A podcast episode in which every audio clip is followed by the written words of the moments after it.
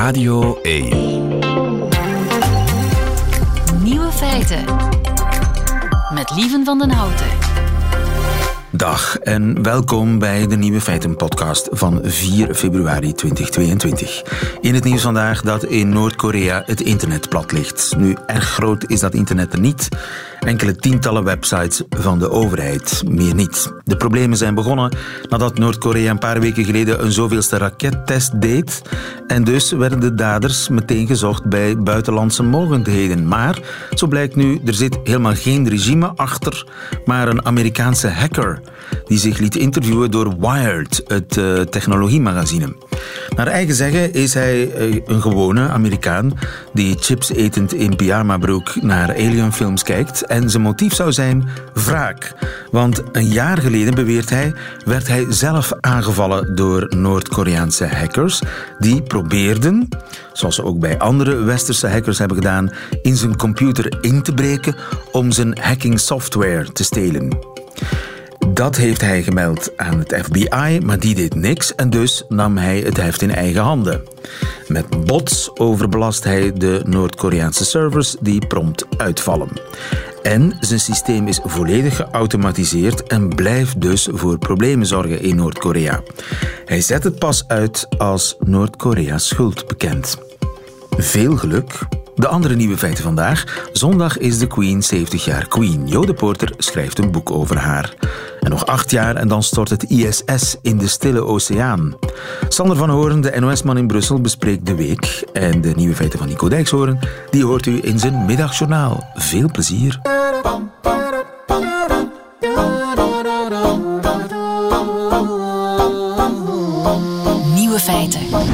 Er zijn heel veel koninginnen, maar er is maar één queen. En het is de laatste, zegt Jo Porter in zijn nieuwe boek. Dat heet De Laatste Koningin. Dag Jo. Goedemiddag.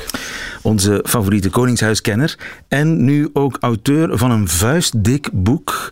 Ik denk dat het bijna een kilo weegt. Daar zit corona voor veel tussen. Uh, was het een corona-project? Het was een corona... In, in, corona had ik ineens de tijd. En toen vroeg een uitgever, ja, je hebt op de radio gezegd, ik denk wel in jouw programma, dat uh, de koningin uh, 70 jaar op de troon zit op 6 februari... Dat is zondag. 2022. Dat is aanstaande zondag. En de uitgever zei, zou je daar niet eens een boek over maken? En toen dacht ik, het boek is eigenlijk ontstaan uit een, een handicap, want um, ik wou iets met de Queen doen over de Queen, maar niemand raakt bij de Queen, zeker niet een Belgisch schrijver of journalist. Um, dus dat is, dat is onmogelijk. Toen dacht ik van, oké, hoe moet ik dan het verhaal maken over haar 70 jaar koningschap en bij uitbreiding over haar leven? En toen dacht ik, ik ga dat doen via alle, alle sleutelfiguren uit haar omgeving. Dus in de eerste plaats de kinderen, maar ook om het, het portret echt volledig te maken en duidelijk te maken wie ze nu is en waarom. Haar ouders, haar grootvader, haar schoonouders, de kleinkinderen, de achterkleinkinderen, de hofdame, ja. de kapper. Het boek gaat niet zozeer over de queen zelf, maar over haar familie, haar voorouders, haar kapper, haar ik stam, vertel, zeg maar. Ik vertel het verhaal van de Queen telkens vanuit het standpunt van een van haar naasten. En dat kan Charles of Diana zijn, ja. maar ook Angela Kelly. Dat is haar, de, de curator to Her Majesty.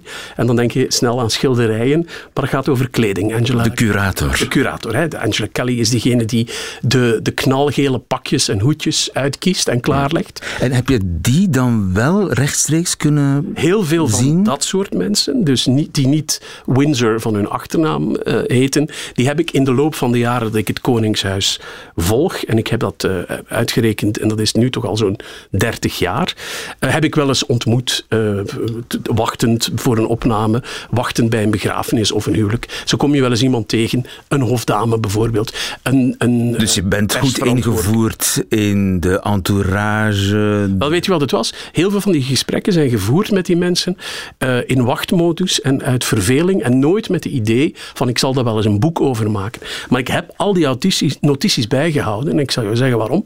Ik word af en toe gevraagd om commentaar te leveren bij koninklijke events, begrafenissen of huwelijken en die dingen duren altijd eeuwig lang. En dan had ik kleine dingetjes nodig om te vertellen terwijl die dienst aan de gang is of terwijl er mensen in een koets voorbij rijden. Ik heb heel veel materiaal verzameld.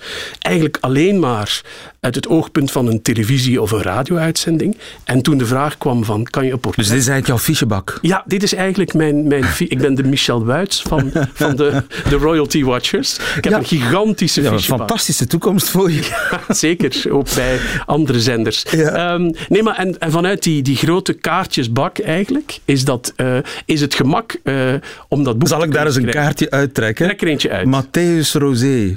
Ja, Matthäus, dat is Matthäus. Ja, Ik schrok me rot. Matthäus Rosé. ja, het is niet de, goed, de duurste rosé die 3 euro? Nee, Ja, Ze- zes euro? 6 euro en dan, dan eh, betaal je veel. Ehm, dat, is haar favoriete, eh, dat is haar favoriete wijn. Ze heeft in heel veel dingen heeft ze heel eenvoudige smaken. Haar ehm, te- favoriete televisieprogramma is Midsummer Murders.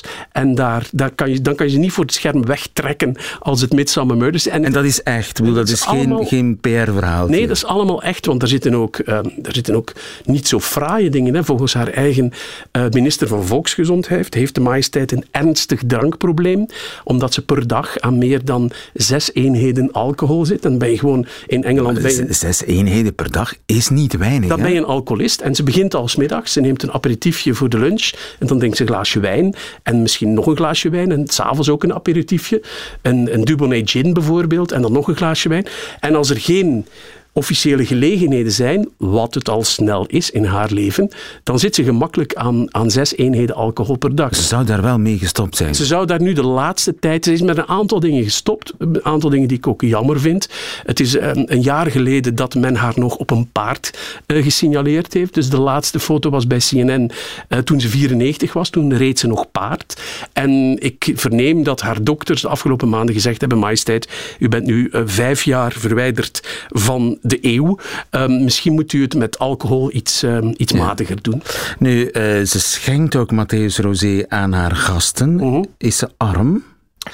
Ehm, het is niet de meest eh, bemiddelde vorstin eh, Nee? van de wereld. Nee, die van Monaco en die van Liechtenstein, dat gaat nog over een andere grote orde dan zij.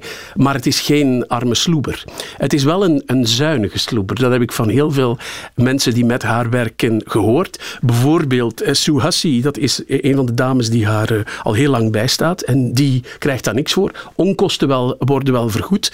En dan krijgen ze van de majesteit op hun verjaardag ehm, heel rare praktische cadeaus, zoals ehm, wasspelden bijvoorbeeld, of bruine zeep, of iets waar je iets nuttigs kan mee doen. Cadeautje van de koningin. Ja, cadeautje. Dit was de, in grote tegenst- tegenstelling tot eh, Diana, die altijd hele dure dingen gaf. eh cashmere truien en zo en handtassen. De majesteit geeft dingen die, ze, ehm, eh, die nuttig zijn en niet vaak ook, niet uitzonderlijk ook zelf gekregen heeft. En die ze gewoon doorgeeft. En het, Er zijn dingen bij die ik nauwelijks kan geloven, Ja, joh, maar- zoals dit. Ja, en, en het is nog veel erger dan dat. Ik bedoel, haar zus, de wijlen eh, prinses Margaret, die was nog veel erger. Die kreeg van eh, Elisabeth eh, met nieuwjaar altijd een grote geschenkenmand van Fortnum Mason. En daar zat van alles in, thee en allemaal dure delicatessen. En in de eerste week van januari vertelt een manager van Fortnum Mason, eh, kwam prinses Margaret altijd terug met die mand om die mand te ruilen. En die wou ze niet ruilen voor iets anders, van geef mij vijf kilo thee of zoiets, maar die wou daar cash voor. En die man zegt ook, ja, we doen dat, dat is onze policy om dat niet te doen. Oh maar als de zus van de koningin met haar geschenkenman op 5 januari terugkomt, dan hebben wij, het was een jaarlijkse traditie, om daar dan contante ponden tegenover Het te was me er stellen. eentje, die Margaret. Die Margaret was met er eentje, ja. Dan, bij Margaret zie je heel erg goed dat twee meisjes die in hetzelfde gezin geboren zijn, dat de ene door haar taak als koningin echt opgetild wordt en groter wordt dan zichzelf. En die zus Margaret zich volledig te gronden gericht heeft aan drank, sigaretten en vooral de verkeerde mannen. En ook heel Mick Jagger las ik. Mick Jagger. Is dat echt waar? Mick Jagger en, en een heleboel. Ze had ook een, een, een feilloze eh, flair om homoseksuele of biseksuele mannen eh, uit te zoeken. Waar het natuurlijk zeer leuk shoppen mee was en zeer leuk kletsen. Maar waar verder niet zoveel, er niet zoveel van terecht kwam. Oh ja, want ze kreeg ook de vraag, hoe is het met de Queen? Ja, dat is een geweldig dingetje. ze was in Amerika en ze, ze kreeg de vraag van een van die pretentieuze Amerikanen van hoe is het nog met de Queen? En zij antwoordde daar altijd standaard op, bedoelt u mijn moeder? Bedoelt u mijn zus? Of bedoelt u mijn echtgenoot? de neiging is heel groot om je hele fichebak te plunderen, moet ik zeggen. Uh, want een aantal dingen uh, deden ook mijn wenkbrauwen fronsen. Bijvoorbeeld, Queen Victoria heeft nog seksuele voorlichting gegeven aan Leopold I. Nu maak je een heel grote sprong. Ja, een, uh... ja, maar jij maakt ook... dat is waar. Je, hoeveel tientallen jaren bestrijkt jouw boek? Ik denk dat het er een goede 250 jaar Juist, ja. door, over het boek gaat. En omdat de, de, om nu de luisteraar niet helemaal in verwarring achter te laten. Dus het boek bestaat uit allerlei sleutelfiguren uit haar leven. En hoe komt Victoria daarin terecht? Omdat ze natuurlijk het grote voorbeeld was van Elisabeth. Um, en haar overgrootmoeder. En haar bedovergrootmoeder was. En die, de, uh, Leopold I was, haar, was de oom van Victoria. En dus Leopold II was haar rechtstreekse neef. En Leopold II heeft het aangelegd met een uh, prinsesje. En daar gingen de, uh, de, de, handelingen in bed gingen niet zo voorspoedig. En zowel koningin Victoria als haar man prins Albert, bekend van de ring, ehm, die uh, hebben correspondentie gevoerd met Leopold II en met die vrouw over hoe ze dat in bed moesten aanpakken, dat, waar, uh, waar, hoe ze geduldig moesten zijn, hoe ze moesten blijven oefenen. En uiteindelijk heeft zich dat ten goede gekeerd. Dus Leopold II heeft van alles geleerd van, van um, uh, Victoria en van haar man uh, Prins Albert. Ja. Nu, jouw boek leest niet alleen als een waaier van Windsors, oh. maar ook als een catalogus van schandalen en dingen die misgaan. En ja, dat is natuurlijk de ideale familie zo'n koningshuis. Het is het koningshuis met de meeste grandeur ter wereld. Ik denk als, er, als er een hitparade zou zijn van koningen en koninginnen en koningshuizen, dat, dan stonden, stonden de Windsors op één. Uh, hoe, hoe is dat te rijmen, die schandalen en, en hun ja, never-ending ja, allure? Wel, de, dat, de, de, de sleutel, een belangrijke sleutel zit in, in de manier waarop je het formuleert, de never-ending allure. Het feit dat ze Engelstalig zijn, is een heel belangrijke factor. Hè. Wat ze zeggen en wat ze doen, wordt verstaan over de hele wereld. Daarnaast uh, bestaat het uh, Britse Koningshuis al bijna duizend jaar. Dus ze zijn er al heel lang.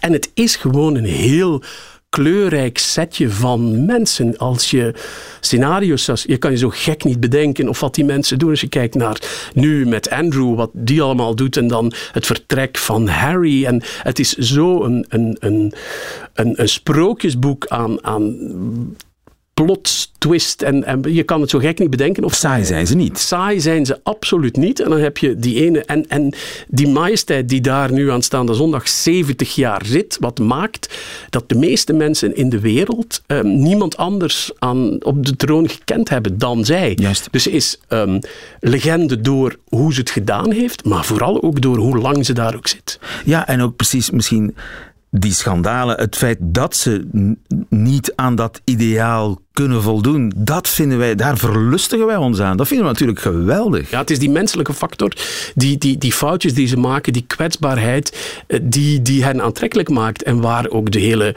de hele Britse pers en ook de wereldpers dagelijks uh, kranten op verkoopt en online uh, artikels aangeklikt worden. Dus zo'n Andrew die in de fout gaat, dat is een kans. Dat is een geweldige kans. het is, het is, het is, het is heel het is triest wat, wat daar gebeurd is, maar het is wel een, een gigantische kans en ja, om de zoveel tijd zijn ze in staat om dat soort. Dan gebeurt er wel zoiets. En nu, als je kijkt naar. Ze hebben zoveel moeite en tijd geïnvesteerd om um, Camilla een beetje aanvaardbaar te, eh, te, maken. En dan komt de laatste reeks, of de jongste reeks van The Crown.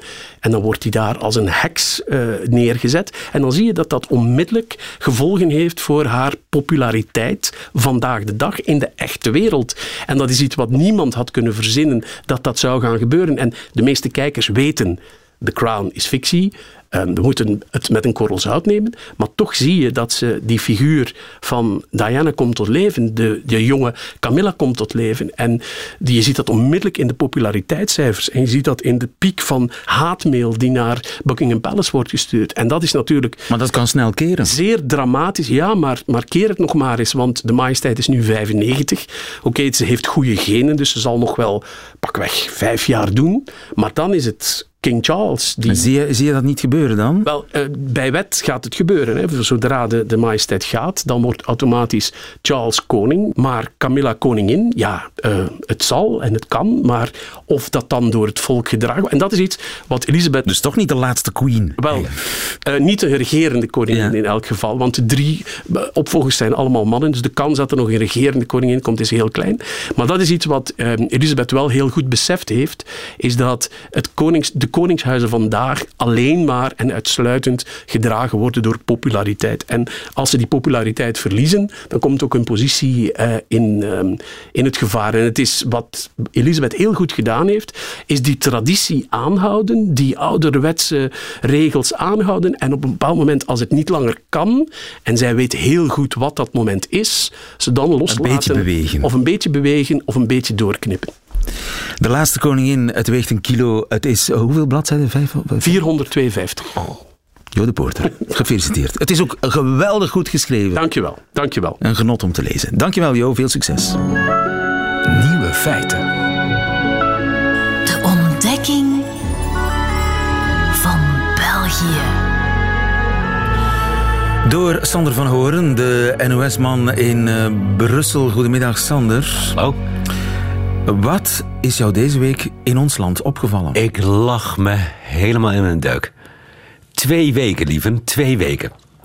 Ja. Twee weken heeft het geduurd voordat onze gezondheidsminister Van den Broeke een bezweringsformule moet uitspreken dat de coronabarometer toch echt nog niet meteen overboord gegooid moet worden. twee weken, lieve, twee weken.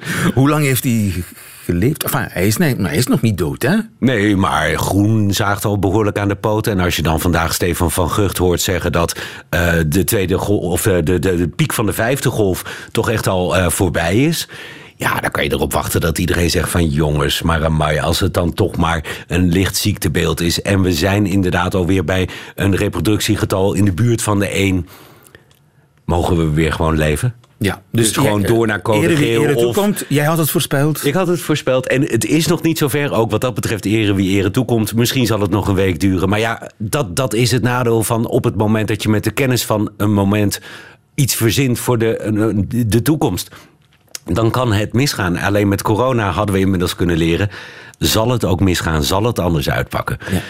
Is jou nog iets opgevallen? Maar ook uh, enorm moeten lachen toen ik de kranten deze week lag, las. Het gestuntel over uh, het compenseren van de hoge energierekening. Jij vindt onze gasrekeningen grappig. Uh, nou ja, ja, sowieso. Want ik heb, ik heb uh, toen ik je, hebt toch ook diezelfde vier, en een half jaar geleden kwam wonen, heb ik in mijn oneindige voorzienigheid heb ik een vaste prijs afgesproken. Dus uh, ik heb geen flexibele prijzen. Dus ik kreeg van uh, de energieleverancier vlak voor de jaarwisseling was het een briefje in de bus. Voor u verandert er niks. Oh. Nou ja.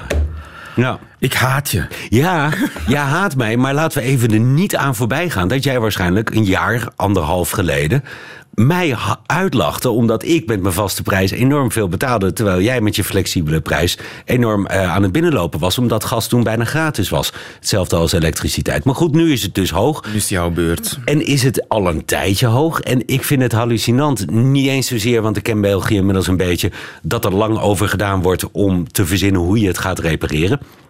Maar dat het dus niet met terugwerkende kracht gebeurt. Dus dat je vanaf nu de komende vier maanden kunt rekenen op een lager btw-tarief en die eenmalige uh, toelage.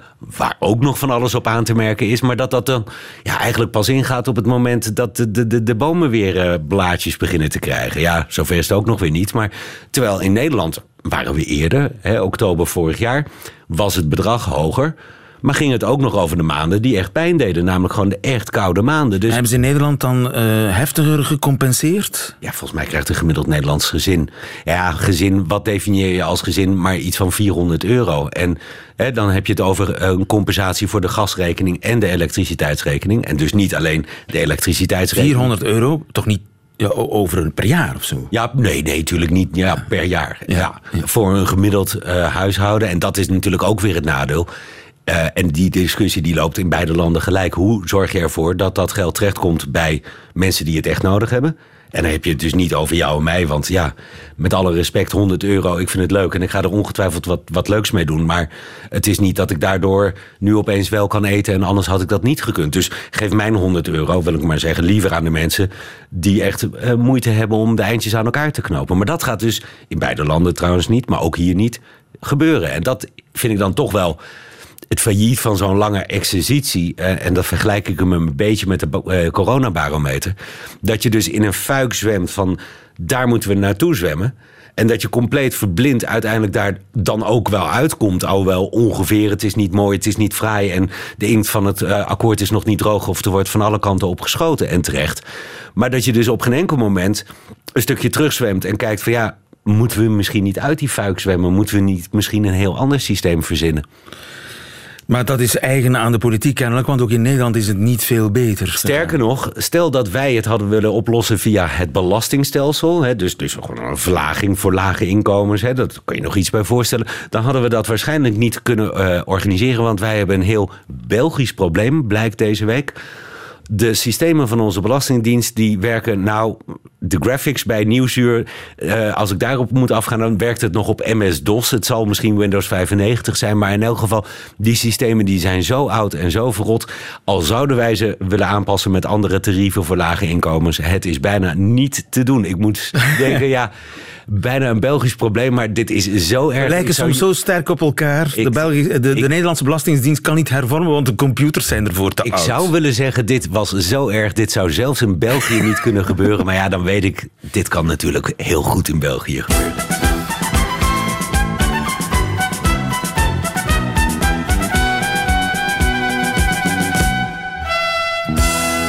Examen Vlaams. En eh, dat is dan de fuik waar jij elke week in zwemt. Ik heb geen keus. Je- dat is de reden waarom je hier eigenlijk met, zit. Een, met een geladen geweer achter me. Zwemmen. Examen Vlaams voor eh, Sander van Horen. Wat is een suspensoir? Eh, dat is iets waarin iets drijft.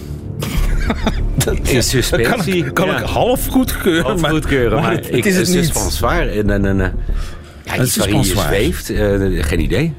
Suspensie. Tip. Tip. Soutien. Een suspensoir, dat is dan een beugel BH.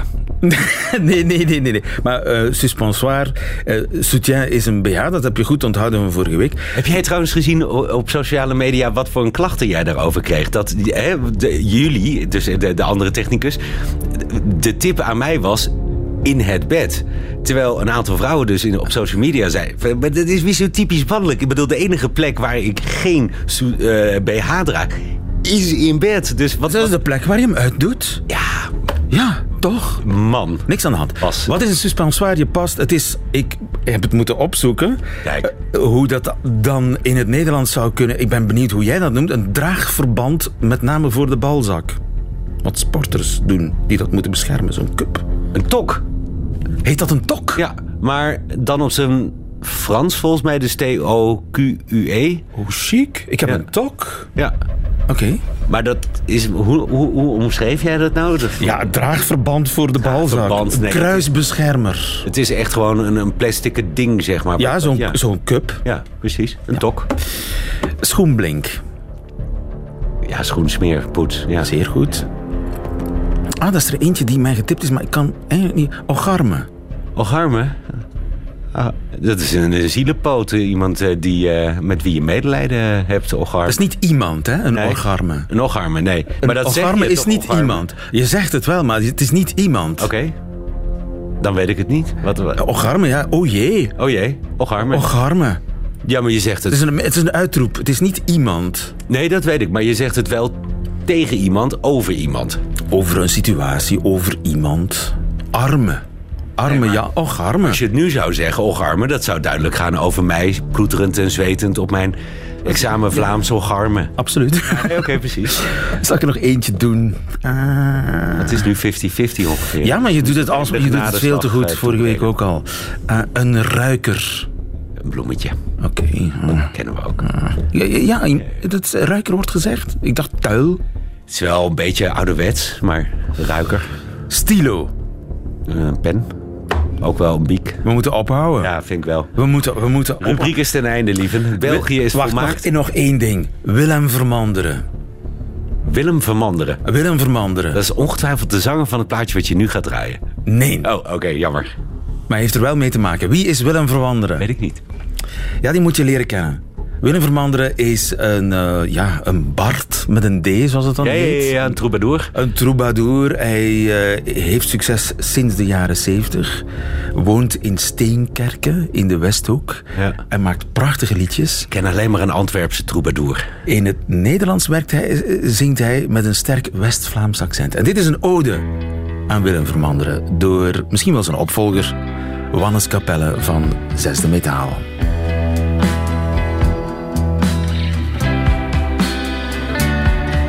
Ah, die zingt met accent van zijn streek. Het is de zee die zijn zot achterlaat. Als zijn woorden soms kraken en breken. Het is de storm die de dikken slaat. Het is de wind die rolder, de bolder, de dorpen, de raast. En swinters langs dunnen en polders. De sneeuw in ons oren blaast. Hoort hem de straten doorjagen. Hoort zijn geklop en gebus. Wat moet je zo eindeloos kragen? Die wind die zo waait rond mijn.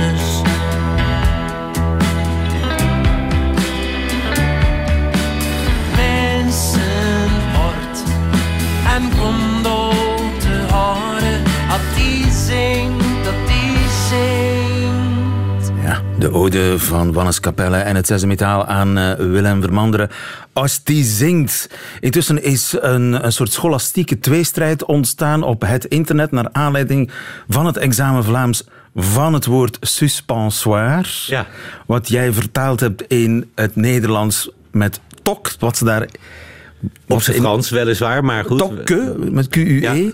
En dan een heleboel mensen vinden kennelijk dat dat de helm bij hockey is. Ja, terwijl dat toch echt niet zo is. En als je googelt, dan, dan kom je bij TOC. Kom je inderdaad beide tegen. Hè? Dus er komt dat, dat, dat plastic ding tegen om. Het plastic ding dat eigenlijk in het suspensoir moet. Of in je onderbroek, of in, nou, whatever. Maar je komt is eigenlijk ook, het ding waar, waar de cup in moet. Dat je komt waar. inderdaad ook een soort herenstring tegen. Jockstrap. Ja, en, en dat, dat, dat wordt Maar een helm, een helm zien wij hier niet. Dus, maar misschien is dat ook nog iets wat Vlaanderen en Nederland verdeelt. Dat de tok in Vlaanderen bij Vlaamse hockeyspelers ook de helm is. We gaan daar eens een, Noemen een Vlaamse symposium over organiseren in een bosrijk Wat wij een TOC noemen. Hoe noemen zij die dan? De helm. Nee, dat, dat snap ik. Maar als de TOC de helm is, Ja. hoe noemen zij de TOC dan? Wat bij ons de TOC is. De cup. De Zoiets. cup? De cup. Suspensoir cup. Zoiets. Het nieuwe feiten. Wordt vervolgd.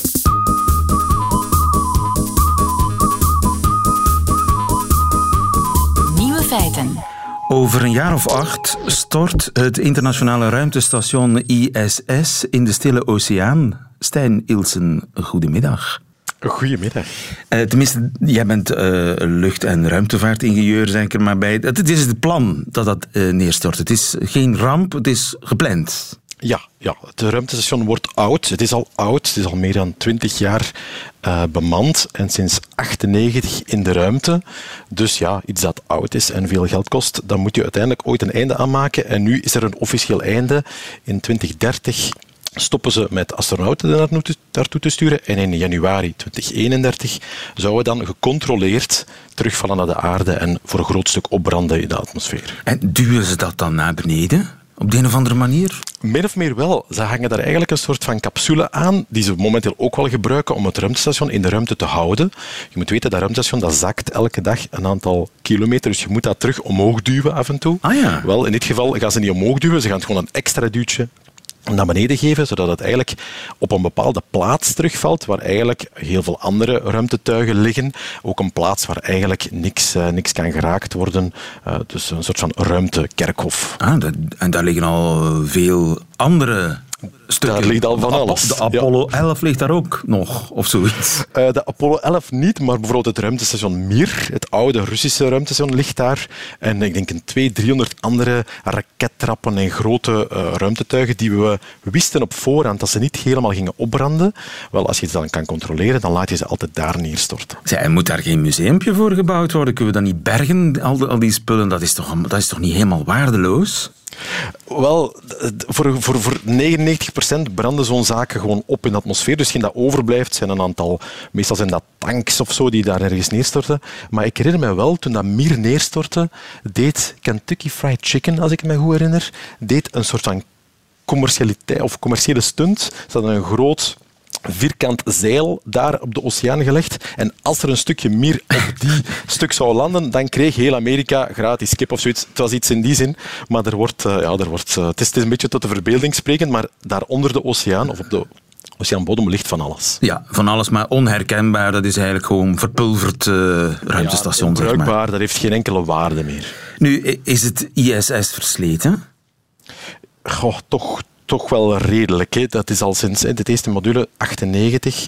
Uh, je hebt daar continu wel dat er daar dingen aan worden vervangen en aan gewerkt. Maar de structuur natuurlijk, die blijft de oude structuur. En dus stilletjes aan wordt dat inderdaad wel uh, tijd om een keer te kijken hoe gaan we dat nu in de toekomst gaan doen. Nou, het schijnt zouden de astronauten die daar naartoe gestuurd worden eigenlijk niet zozeer wetenschappelijk onderzoek doen, hoewel dat ook uiteraard, maar, maar vooral onderhoud moeten doen, die astronauten? WC's die kapot zijn, dat soort dingen. Uh, wel, ja, dat, dat is een, een, een soort van hotel. Hè. Dus inderdaad, je hebt daar normaal gezien personeel in hotel. Wel, dat personeel is er natuurlijk niet in dit geval. Dus de astronauten zijn hun eigen personeel. En na twintig jaar gaan dingen kapot. Als je het boek ooit gelezen hebt van Frank de Winne, en zijn uh, zes maanden verblijf in het ISS, ja, dan zie je dat ongeveer de helft van de tijd als ik het zo lees, dan is die dingen aan het verplaatsen, dingen aan het opkuisen, dingen aan het ding. Oh, er komt een nieuw ruimtetuig op die poort, daar staat van alles voor, dat moet verdwijnen.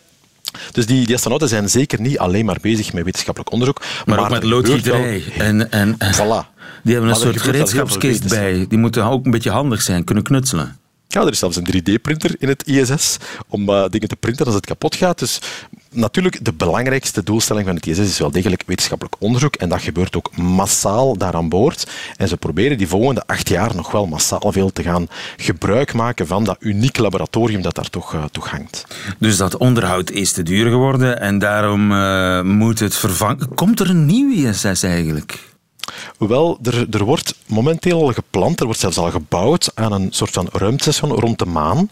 Ook in België, uh, bijvoorbeeld Kinetic Space uit Kruibeke, die werken daaraan aan mee uh, om als een soort van ja, ruimtestation rond de maan te gaan hangen, waardoor dat je vrij snel mensen daar naartoe kan sturen. En die mensen kunnen dan heen en weer liften tussen de maanbodem en dat dan maanruimtestation. Rond de aarde zijn er ook heel veel plannen, maar die zijn vooral commercieel van aard. Eigenlijk geeft NASA een beetje de fakkel door. Zij hebben het, het fundamenteel onderzoek gedaan, de eerste demonstratie gedaan, het eerste ruimtestation betaald, bij wijze van spreken. En nu wordt eigenlijk de commerciële industrie uitgenodigd om met wat hulp hier en daar hun eigen ruimtestations te gaan ontwikkelen. En wie is daar rijk genoeg voor? Goh, je hebt daar uh, de, de club van de, de miljardairs, hè. Elon Musk, uh, Bezos, Branson. Uh, al die mensen zijn bezig met ruimtetoerisme, met, met mensen naar de ruimte sturen, met de capaciteit, alleen met vracht naar de ruimte te sturen. En die denken allemaal na over ruimtehotels, ruimtefabrieken. Uh, dus ja, dat zit allemaal in de, in de pipeline. En dus de opvolger van het ISS zal geen internationaal ruimtestation worden, maar een privé-ruimtestation. Ja, inderdaad. De Chinezen zijn ook aan het werken aan hun eigen ruimtestation. Maar in, in de westerse wereld zeg maar, zal het meer inderdaad een, een soort van wisselwerking zijn waarbij dat overheden of, of um, ruimtevaartagentschappen zoals ESA en NASA nog wel veel willen gebruik maken van ruimtestations. En die gaan daarvoor moeten betalen. Zien, Voilà, die gaan, dat, die gaan dat kopen als een service, zoals alles tegenwoordig uh, service uh, wordt. Gaan zij inderdaad betalen om een astronaut naar een commercieel ruimtestation te kunnen sturen. Het is uh, een teken destijds natuurlijk, hè? dat zelfs de ruimtevaart is een kwestie van Amazon geworden. Ja, en het heeft wel ook wel gewerkt. Uh, Obama heeft in een tijd uh, de space shuttles afgelast, omdat ze veel te duur waren, niet efficiënt waren. En dat was dan eigenlijk een grote gok om te zien of de Amerikaanse ruimtevaartindustrie dat ging overnemen. En kijk waar ze nu staan. Ze hebben inderdaad heel veel commerciële raketten die, die zelfs terug kunnen landen, die de kosten voor lanceringen enorm laten dalen. Dus het is, het is wel een model dat werkt. Uh, en dus ja, gaan ze nu proberen om, om dat te extrapoleren naar ook ruimtestations. Dus januari 31 landt uh, het versleten ISS ergens in de stille oceaan op een zeer afgelegen plek waar ja, een soort van ruimtebegraafplaats is georganiseerd. Stijn Ilsen, dankjewel. Goedemiddag. Graag gedaan. En voilà, dat waren ze, de nieuwe feiten van 4 februari 2022. Alleen nog die van Nico Dijks horen nu in zijn middagjournaal. Nieuwe feiten. Middagjournaal. Beste luisteraars. Ik kijk de laatste tijd erg veel sport. de Afrika Cup, en dan heb ik het over voetbal. De Nederlandse en de Belgische competitie. En dan ook nog American football, de strijd om de Super Bowl. Basketbal en als het zo toevallig voorbij komt ook tennis.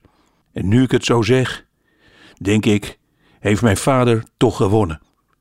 Hij heeft uit alle macht geprobeerd een sporter van mij te maken. En ik durf hier wel te stellen dat ik vanaf mijn geboorte tot aan mijn vijftiende in de weekenden bijna acht uur lang op een grauw sportveld verbleef. Door de week trainde ik voor de wedstrijd in het weekend. En ik heb het dan hier specifiek over honkbal. Ik herinner mij een toernooi in Antwerpen. Nooit speelde ik een troostelozere wedstrijd. Daar stonden we dan met z'n allen om elf uur ochtends in vreemde strakke broekjes en met een pet op ons hoofd naar zijn industrieterrein.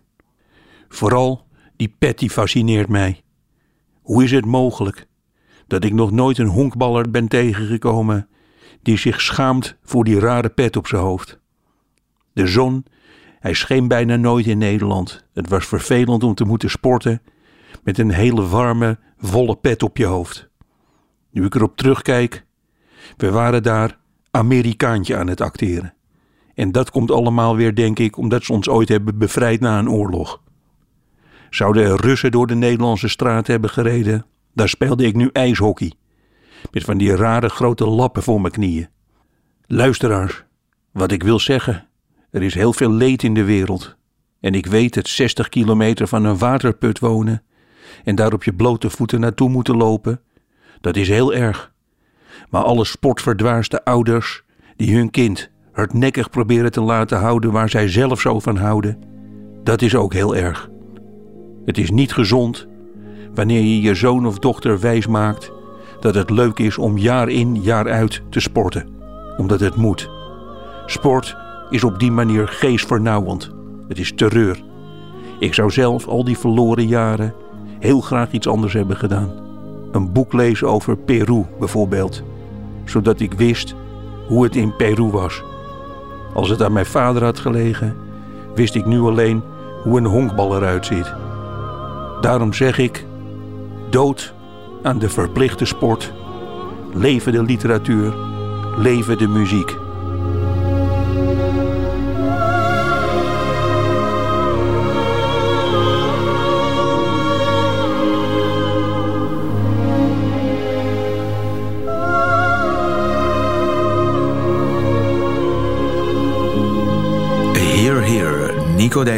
In het Middagjournaal. Einde van deze podcast. Hoort u liever de volledige nieuwe feiten? Dat wil zeggen met de muziek erbij. Dat kan natuurlijk live. Elke werkdag tussen 12 en 1 op Radio 1. Of on demand via de website of de app van Radio 1. Tot een volgende keer.